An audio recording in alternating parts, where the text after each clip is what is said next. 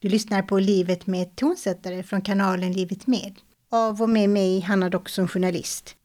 I det sjätte och sista avsnittet berättar Tanja Naranjo om operan Alle Havsöga, som hon har tonsatt och som har premiär på Operaverkstaden i Malmö i april 2024, som är en del av Malmö Opera. Det är en berättelse som berörde henne på många vis, vilket bidrog till att hon har skapat något alldeles unikt. Det var jättespännande som livet kan vara ibland. jag var här i Malmö vid Triangeln och väntade på en kompis. Och solen sken. Och plötsligt ser jag Maria Sundqvist från Operaverkstan som kommer fram till mig och säger hej. Och jag bara hej! Jag blev glad att se henne. Jag har samarbetat med henne för jättelänge sedan på Operaverkstan. Och så säger hon, eh, har du tid för en fika någon gång? Och då blev jag väldigt nyfiken, för att det är inte alltid Maria säger sådana ord. och efter en månad ungefär så blev jag kallad till Malmö Opera, för att de ville intervjua olika tonsättare. Och de ville höra om min musik. Först ville de höra vad har jag gjort och vad vill jag göra och hur jobbar jag och så här. De var lite nyfikna på mig.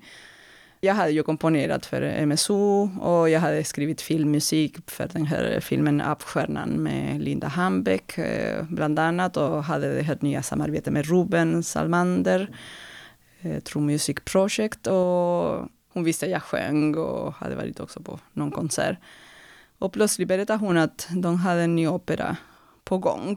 Och att eh, de berättar lite om historien. Och jag blev otroligt berörd av den här historien om den här, de här piraterna som var på en, ett öde ö som väntade, de var strandade där. Och det fanns inget vatten som kunde ta deras eh, stora båt eller därifrån.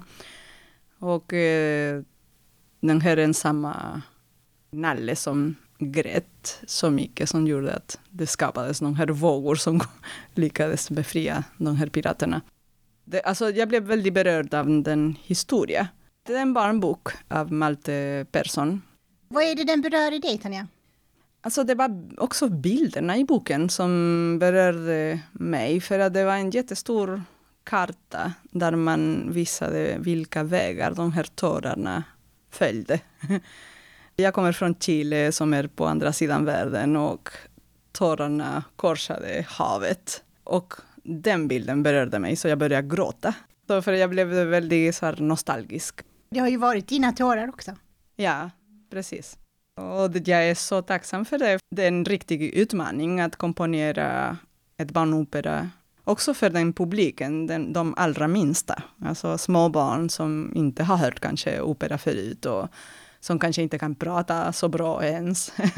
och eh, kanske som kommer från andra länder. Jag tycker att barn är fria själar. De flesta barn är otroligt öppna för all musik.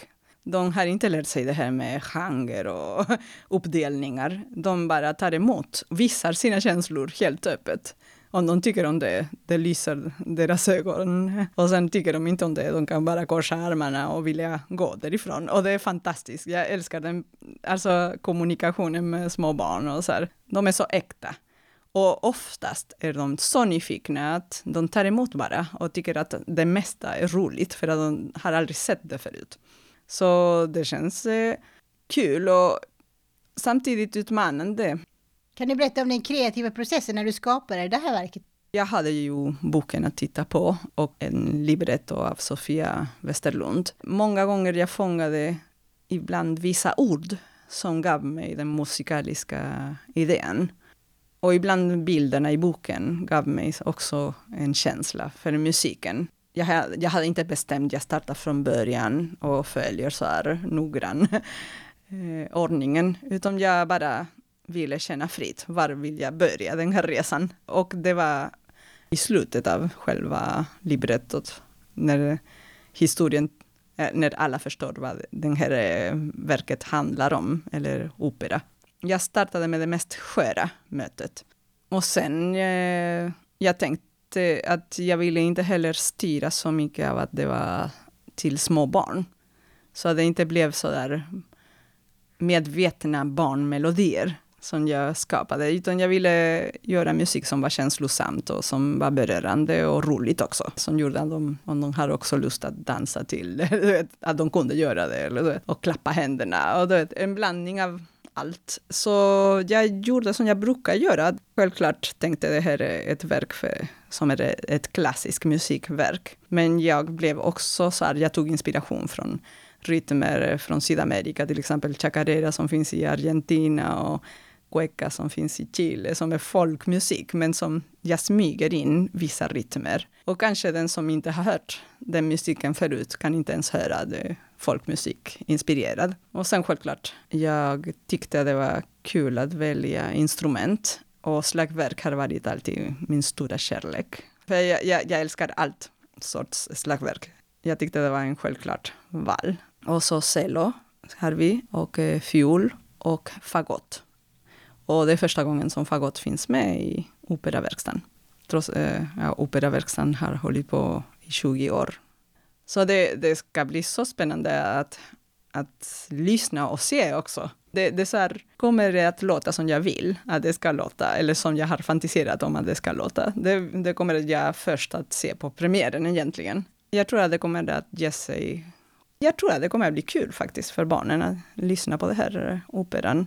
Och för mig också. Det, jag, jag, ser verkligen fram emot premiären och så. Jag har ju en podd som heter Livet med opera också, där jag mm. följer unga operasångare. Och där tänkte jag höra med dig, vilken relation hade du till opera före du fick den här förfrågan? Alltså jag har lyssnat på opera. Jag är ingen operakännare på det sättet, men eh, jag är klassisk pianist. Så jag har spelat också med många sångare under min, min tid. Och har spelat musik av Karl Olof Anderberg och massa andra tonsättare. Operan, det är så det är passionerat om man pratar om passion. och igen. Och eh, självklart Carmen, det, det, var, det var lätt Ja, och så det historien och det var lätt också att ta till sig som barn, jag menar när man lyssnade på opera. Jag, jag, jag har alltid älskat vissa arior och alltså det, opera är, är kul, tycker jag. Jag har också lyssnat på mer nutida opera. Men självklart det är mycket större format. Den här eh, operan jag har skrivit, är en liten opera, en kort. Som är också anpassad för för den åldern som det ska spelas för. Så, och självklart, det skulle vara otroligt häftigt att kunna ha stora utmaningen att skriva en lång opera eller ett större symfoniskt verk. Jag respekterar mycket det här hantverket att komponera, eh, som är inte samma som att vara artist och spela. Det är ett annat sorts arbete, det tar många, många, många dagar och timmar. Det är för mig en av de största konst, hur kan man säga, konstmusikaliska former som kan också vara både älskad och hatad ibland av människor. Och just därför är det också en utmaning. att hur ska man kunna få en annan generation att lyssna på opera? Det, det är ett viktigt jobb också som operaverksam gör.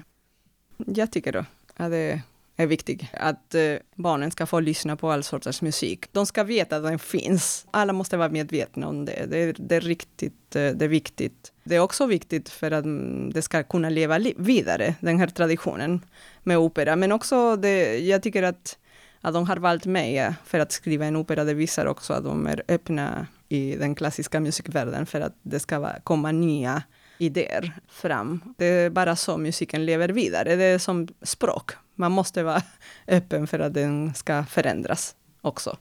Men du, nu har vi pratat mycket passion och vi har pratat mycket arbete och, och jobb. Men finns det tid för Tanja att vara ledig någon gång? För mig musik är, är mitt liv. Alltså jag är också musik. Så jag, för mig när jag jobbar, självklart det, det är också ett jobb som är mitt levebröd och allt det där. Men eh, utan musik skulle jag inte kunna leva själv, känns det som, för mig. När jag är ledig så är jag egentligen inte... Jag har ändå så många idéer i mitt huvud. Alltså det, jag är ett med musiken. Jag har gjort det här hela mitt liv. Det känns som, som att andas. alltså jag kan inte vara utan det. Jag gör självklart massa andra saker. Jag umgås med mina vänner och reser och min familj och, och jag har en dotter. Det är också viktigt jag har genom musiken levt mitt liv också. Jag, jag, har, jag har rest ibland och jag har spelat, du vet, eh, ute bara spontant. Och för mig det har varit kul också. Också när jag festar, jag spelar, jag sjunger och dansar. Och när jag har fest det måste finnas musik. Jag önskar att kunna fortsätta komponera ännu mer och få fler beställningar. Jag kommer att spela in en ny soloalbum nästa år och bilda mitt eget band som jag håller på med för att framträda, ge konserter i hela Sverige och andra länder också. Eh, och jag tycker att det är det som är det spännande med min musikaliska liv och med mitt liv generellt, att man vet inte vad som händer. Att eh, för bara något år sedan, jag visste inte att jag skulle komponera en, ett barnopera. Ja, det är så spännande. Det kan hända vad som helst egentligen. Och det är det som är det roliga med det här arbetet. Och jag är som sagt nyfiken, så jag vill alltid veta mer innan jag säger nej. Jag, jag måste veta om det är rätt för mig eller inte och jag måste kanske känna efter. Och, och jag tycker att man växer som konstnär när man hittar också nya samarbeten. Du har lyssnat på Livet med tonsättare från kanalen Livet med. Följ ett Livet med poddserien på Instagram för att inte missa andra viktiga poddar. Producent är jag, Hanna Doxon.